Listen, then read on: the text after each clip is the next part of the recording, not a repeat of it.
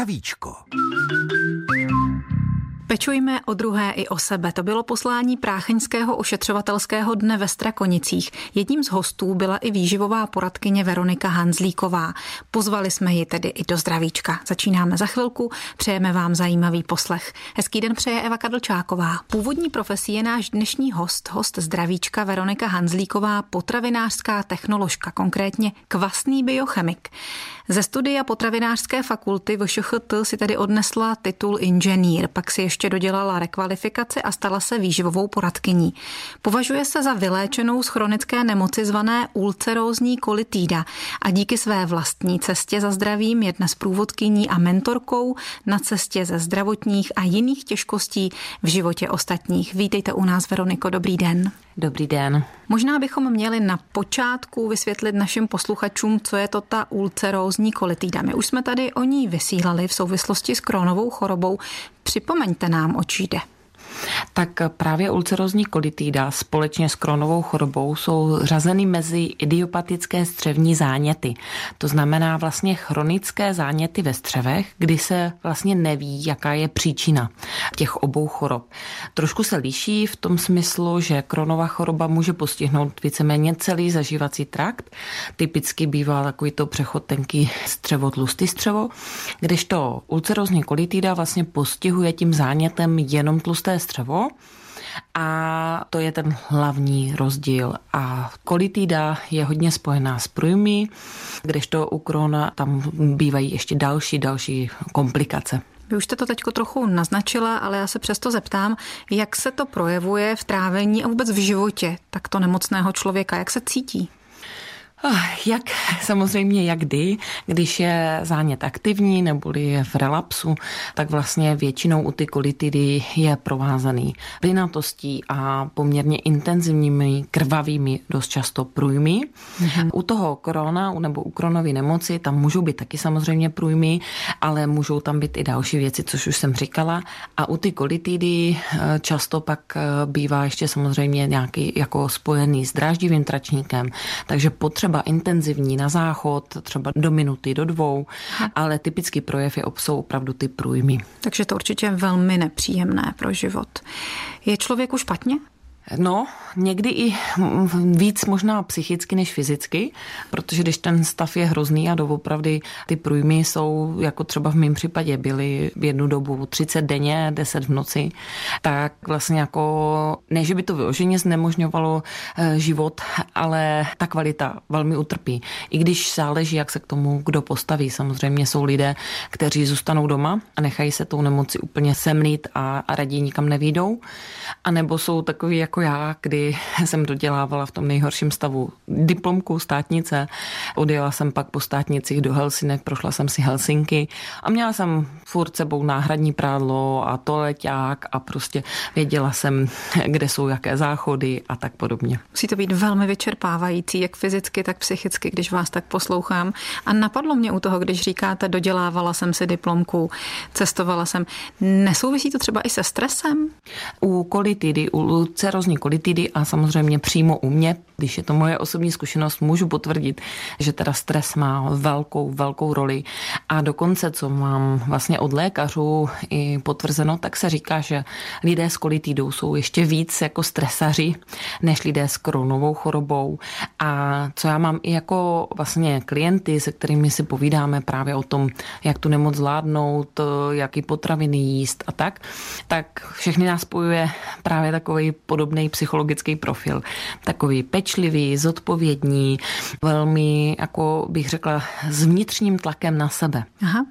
Tak se k tomu za chvíli vrátíme s naším dnešním hostem, hostem zdravíčka Veronikou Hanzlíkovou. Hostem dnešního zdravíčka je inženýrka Veronika Hanzlíková. Jak už tady zaznělo, vystudovala biochemii, konkrétně potravinářství ale věnuje se zejména výživovému poradenství a to i v souvislosti s vlastní nemocí, kterou překonala, tedy ulcerózní kolitídou. Jak se to za normálních okolností léčí, když teď ještě pomineme ty výživové recepty od vás? Léčí se to vždycky protizánětlivými léky, pak se vlastně používá imunosupreseta, takový vlastně ovlivnění imunity a dají se použít nějaké antibiotika a vlastně jako nejvyšší stupeň léčby je považována biologická léčba. A to jste tedy všechno prodělávala? Ano, jo, a ještě jsem zapomněla kortikoidy. to je velmi neoblíbená, ale velmi důležitá léčba, která opravdu z mého pohledu zachraňuje životy a zaplať pámbu opravdu za ní. A vidíte, spousta lidí se kortikoidům brání. Hm, to já se taky samozřejmě jako bráním. Jako je to jeden z takových těch největších strašáků. Je, skončím na kortikoidech. Ale vzhledem tomu, že opravdu mi několikrát zafungovali a velmi pomohli, tak říkám opravdu zaplať pámbu za ně, i když mají spoustu nežádoucích účinků. Hmm. Vy jste léky užívala přes 15 let, z toho 6 let biologickou léčbu. Dnes jste prakticky bez léků.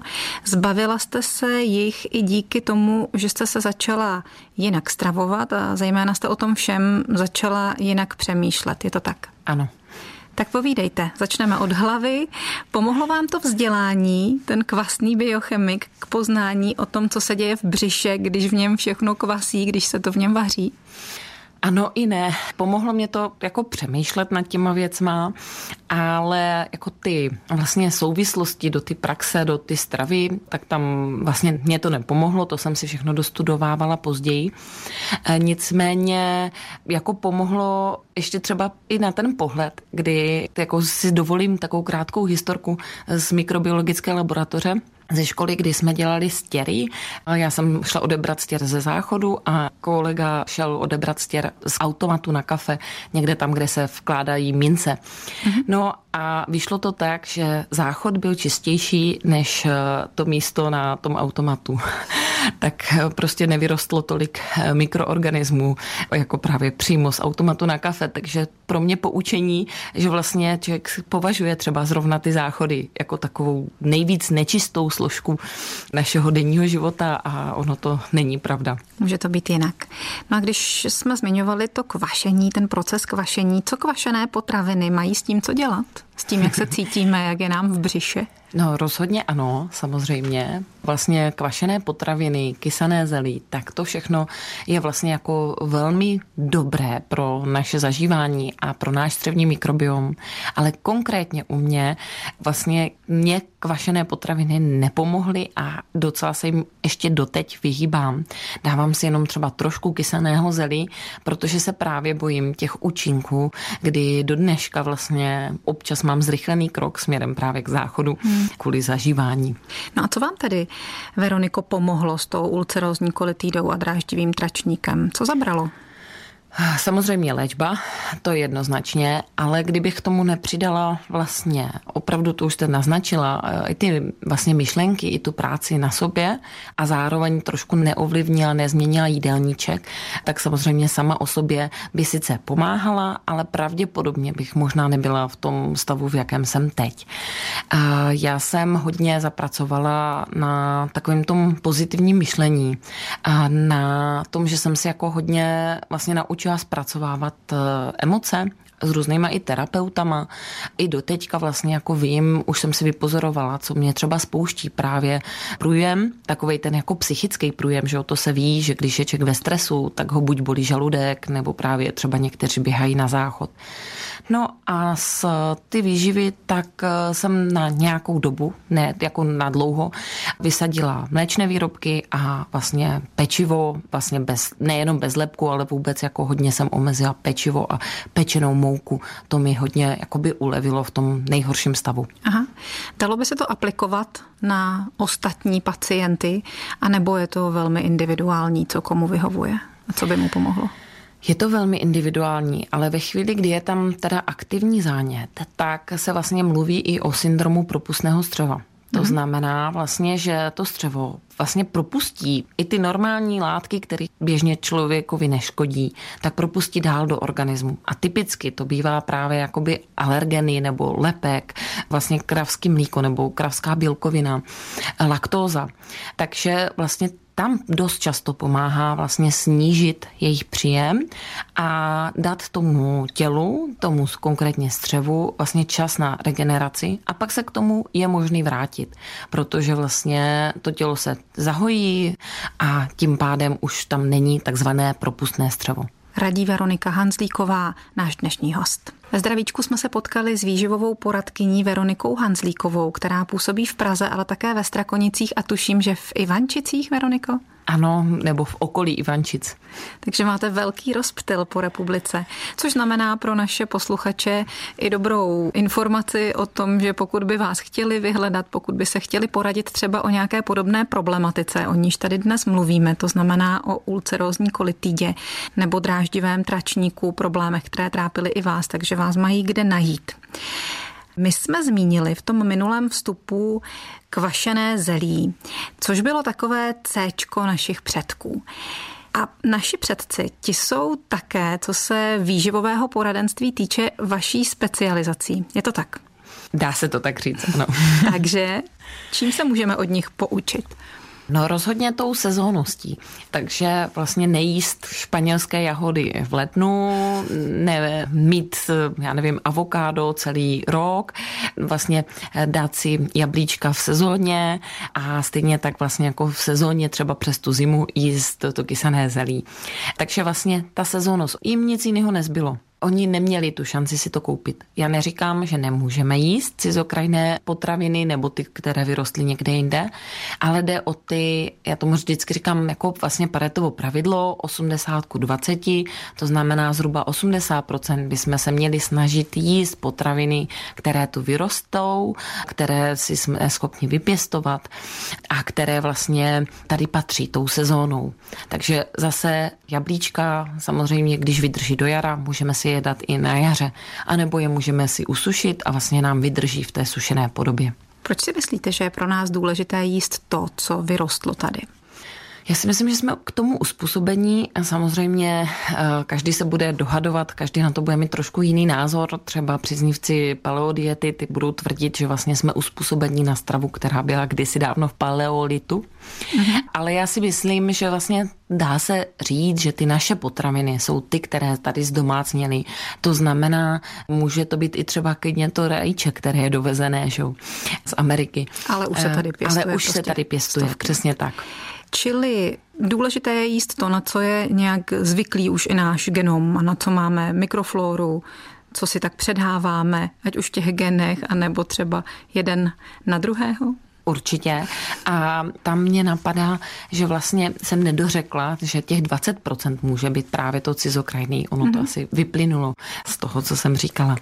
Ale taky ještě vlastně spojení že to znamená, že si budeme vlastně vařit z těch čerstvých surovin, z těch základních surovin. Ano. Kdežto vlastně naši předci právě nejedli ty průmyslově zpracované, které jsou plné aditiv, které jsou vlastně zakonzervované, aby vydržely dlouho, které jsou právě třeba plné palmového tuku a který je taky z jiné strany planety. To máte určitě pravdu. Na druhou stranu, ačkoliv oni jedli bio a jednoduše, tak někdy jedli i velice chudě, myslím tím chudě na důležité látky. Takže naopak, v čem my, moderní lidé, s našimi možnostmi a vymoženostmi, můžeme některé věci dělat lépe a poučeněji? Určitě můžeme využít ty možnosti právě, že máme nepřeberné množství, můžeme si zařadit do jídelníčku rýži, můžeme vlastně se inspirovat nebo lépe dělat to, že, že vlastně třeba můžeme si koupit i kvalitní mořské ryby, které jsou vlastně plné omega-3 masných kyselin, ale pozor, naši předci taky vlastně jedli omega-3 masné kyseliny, které jsou vlastně prospěšné pro zdraví a mají protizánětlivý efekt. Na rozdíl od omega-6 masných kyselin, které jsou spíše považovány za prozánětlivé, respektive prozánětlivé, když jich je moc.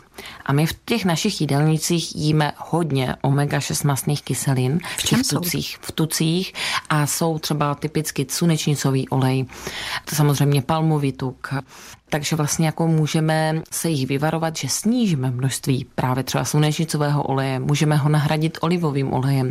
Když máme kvalitní, ideálně bio řepkový olej, tak ten také je v pořádku a vlastně můžeme vyvážit, tam je důležitý poměr těch omega-3 a omega-6. A ti naši přeci tím, že nejedli těch omega-6 tolik, nesmažili si tolik, když už dělali, tak dělali něco na sádle. A sádlo z volně pasoucího vlastně skotu třeba, nebo i třeba jakoby vepřové sádlo může obsahovat nějaké malé množství omega-3 masných kyselin, mimo jiné. Ale oni vlastně jako neměli ten poměr tak vysoký. Takže jedli málo těch omega-6 masných kyselin nebo méně mm-hmm. a třeba to doplňovali ořechy, semínky, lněné semínka jedli. A takhle se můžeme inspirovat taky a můžeme zařadit kromě těch mořských ryb, tak můžeme lněné a konopné semínka, oleje, dýňový olej, dýňová semínka, ořechy na vyvážení vlastně, aby jsme získali nejenom z mořských ryb omega-3 masné kyseliny, ale i vlastně z těch rostlinných eh, zdrojů. Říká ve zdravíčku Veronika Hanzlíková, náš dnešní host. Děkujeme. Za chvíli se vrátíme zpátky. Zdravíčko s Veronikou Hanzlíkovou, výživovou poradkyní, pokračuje. Skončili jsme u toho, kterak se můžeme poučit od našich předků v tom, jak se máme stravovat, aby nám bylo dobře po těle. A zmínili jsme i cizokrajné potravinářské či potravinové zázraky. Vy jste, Veroniko, napsala knížku Příběhy českých superpotravin. Které to jsou? Právě takové, které tady vyrostou, můžeme si je vypěstovat, eh, zaběhnout si pro ně do lesa. Mezi ale super potraviny jsem právě zařadila už i sádlo, máslo a myslím si, že třeba tam patří i vejce, ale o vejci jsem teda zrovna v knížce nepsala. A protože vlastně jsou to potraviny, ovoce, zelenina typicky jsou takové super potraviny, ale i můžou to být některé tuky, třeba i tuky z těch lněných a konopných semínek a z dýňového oleje, z dýňových semínek. A vlastně oni nám všechno dávají, nebo mají některé látky ve vyšší míře než ty ostatní. Proto je můžeme zařadit mezi superpotraviny. Kromě, Ale, no, promiňte, pardon. kromě másla, sádla, vajec, semínek, ořechů, které jste zmínila, tak co ještě mezi ty superpotraviny běžně tady dostupné, třeba v lese k mání, patří? Borůvky, samozřejmě maliny, ostružiny, ze zahrádek rybíz, angrešt klidně. Černý rybíz má velmi dobré množství vitaminu C hmm. a třeba i rakitník. A tam mě zaujalo, že já jsem vlastně pátrala po původu těch potravin, hledala jsem, odkud k nám vlastně jakoby která ta rostlinka nebo eh, stromeček přišel.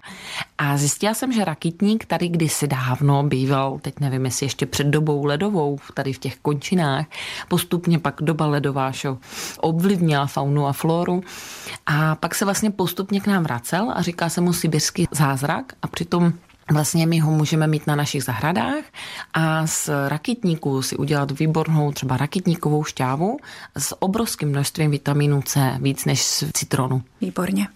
Akorát tady je potřeba vědět, že má samčí a samičí poddruh a že je potřeba mít tedy obě ty rostlinky, aby se nám ten rakitník vůbec urodil.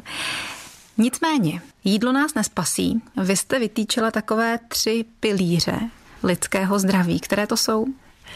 Já mám vlastně tři pilíře dvakrát, protože jednou říkám, že vlastně je to tělo a pak je samostatně výživa a pak je to mysl a duše. A nebo to můžeme také přirovnat k trojnožce a ta trojnožka vlastně ukazuje, jedna noha je právě tělo a strava, výživa, životní styl, jak se o to vlastně tělo staráme. A druhá, ta nožička z ty trojnožky je ta naše mysl, ta duše a ta třetí nožička, to může může být právě nějaké genetické vlastně jako predispozice, ale může to být, řekněme, třeba i podle někoho osud. Dokonce. Máte ten pocit, že osud nás má někdy ve svých rukou víc než my sami? Myslím si, že ho jsme schopni velmi dobře ovlivnit, ale jsou zásadní věci, kdy já opravdu v některých případech na ten osud věřím, že prostě máme daný, kdy třeba odejdeme z tohoto světa, nebo kdy nás čekají nějaké kritické, těžké události. A to si myslím, že to asi jako je opravdu věc, která je někde prostě rozepsaná v nějaké knize osudu. A zároveň si myslím, že existuje moc hezká vlastně nauka, epigenetika se tomu říká. A podle této nauky jsme schopni si ty geny zapnout a vypnout právě. Takže věřím, že ten životní styl právě může zase ovlivnit nějakým způsobem, jestli se nám ta predispozice k nějaké chorobě nebo k nějakým zdravotním problémům vlastně objeví nebo ne. Dobře, tak o tom, kterak přepínat knoflíky v našem genomu si povíme z naší dnešní návštěvou, návštěvou zdravíčka Veronikou Hanzlíkovou za chvíli v poslední části dnešního pořadu. Výživová poradkyně Veronika Hanzlíková tady s námi dnes bude ještě chvilku, aby nám pověděla mimo jiné třeba to, jak podle ní vypadá strava podle ročních období. My jsme tady trošičku už naťukli, že je potřeba jíst to, co zrovna roste nebo co zrovna plodí. Ještě nějaká další doporučení a poznatky k tomu máte? Já bych doporučila se trošku zamyslet i nad takzvanou termikou potravin. To ne všichni ví, ale já věřím tomu, že strava nás vlastně může ochlazovat, může zahřívat. Typický příklad, alkohol samozřejmě má zahřívající účinky. Samozřejmě typicky buď svařák v zimě, ano. anebo grok takže tam to vidíme jednoznačně. A e, stejně tak vlastně máme v létě chuť na zeleninu, na ovoce, na to vlastně na ty potraviny, které nás chladí. To víme podvědomně. Takže určitě tu sezónnost nebo tu stravování podle sezóny vlastně přizpůsobit i tomu, že máme v létě chuť víc právě na syrové věci, na saláty, na zeleninu, na ovoce a v zimě opravdu víc spíš na tu kachnu pečenou, dlouze pečenou a klidně s knedlíkem a s tím kysaným zelím. Něco, co přidá tu energii. Máte pravdu, uvědomila jsem si, že když se na to podíváme opačně, v zimě třeba vůbec nemývám chuť na studený zeleninový salát, opravdu z toho jde zima. Naopak v létě se na něj člověk těší. A na druhou stranu bych se ještě ráda vrátila k té vaší zmínce o alkoholu, který zahřívá. Vypozorovala jsem, že když ho vypiju víc, že se naopak začnu třást zimou, jako by mi tu energii nakonec ubíral. To může být. Tam pak jako se vlastně uvádí nejenom alkohol, ale vůbec zahřívající potraviny, jako je třeba koření, čili například. Takže vlastně může otvírat pory. Takže vlastně my se skrz ty pory ochlazujeme a můžeme to teplo vlastně jako ztrácet. Mm-hmm. Právě na tomhle principu je vlastně založená ta strava v Mexiku, v Indii a v těch vlastně rovníkových, řekněme, oblastech nebo subtropickým pásmu, že vlastně oni hodně jako třeba koření některý ty, eh, tady ty národy, ano. protože vlastně oni se tím paradoxně ochlazují. Nám se to může zdát být, ano, jak říkáte, paradoxní, že používají třeba čili, které je takovým synonymem horka a přesto to je pro ně vlastně pozitivní v těch jejich podmínkách. Dobře, ještě bych se ráda zeptala na to, alespoň naťukla, jestli nějaké chyby ve stravování můžou souviset i třeba se sezónními obtížemi, které máme. Já nevím, jsou to třeba podzimní, jarní nákazy, chřipky, nebo dokonce třeba někoho tou dobou bolívá víc žaludek a tak dál, nebo to mohou být třeba nějaké sezónní nedostatky vitamínů. Projevuje se nějaká chyba výživová i na těle?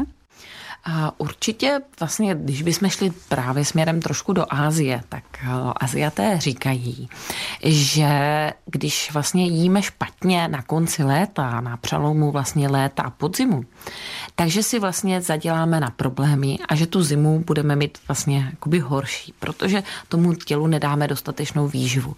Ta dostatečná výživa v jejich podání je založená opravdu třeba na kaších, na, na tom, že eh, jíte vlastně potraviny, které jsou třeba jako dýně, červená řepa, které vám jakoby dodají energii, ale zároveň nejsou právě silně zahřívající, takže vám ne, ji jako nezmění. Jo, tam vlastně se drží a doporučuje taková neutralita mm-hmm. a neutrální potraviny.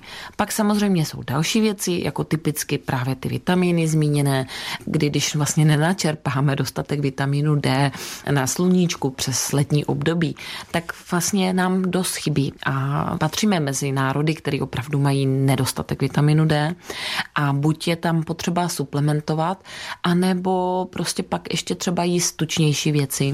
A vlastně jako nebát se přes zimu toho tuku, protože vlastně je to přirozené, že tam ty těla se trošku obalují tukem v zimě a naopak, když chceme hubnout, tak je vhodnější začít třeba na jaře, když máme tu energii, máme sílu, máme chuť a najednou máme i chuť právě na ty, na ty zdravější jídla. A ty zdravější jídla, ano. ano. A když jsme zmiňovali ty vitamíny, měla byste třeba ještě nějaká doporučení, doporučení výživové poradkyně k tomu, co jíst, aby nám nic nechybělo, něco třeba důležitého? Určitě bych doporučila Ti, co nemají zažívací obtíže, tak kysané zelí, kvašené potraviny, pickles a podobné věci, ty co jsou pickles? velmi důležité. Vlastně to je taky kvašená potravina, mm-hmm. jo? Takže můžete si třeba i nechat jakoby lehce skvasit. Pickles může být právě třeba z červené řepy. Jo, dá se tam dát jakákoliv zelenina. Není to jenom o tom, nebo téměř jakákoliv zelenina. Není to jenom o tom kysaným zelí, ale může se nechat skvasit mrkev uh, a další, třeba kořenová zelenina. I vlastně Korejci, jestli se nepletu z národnosti, tak mají kimči, což je taky kvašené a velmi uh, vlastně zdravý pokrm. Takže určitě toto a pak za mě nezapomenout na sílu kvalitních masokostních vývarů. Výborně, no to jste mi udělala radost. S pomalu taženým vývarem, koho by nepotěšil a koho by nepostavil na nohy. Možná leda vegana ne. Co ti vegani? Těm asi něco chybí.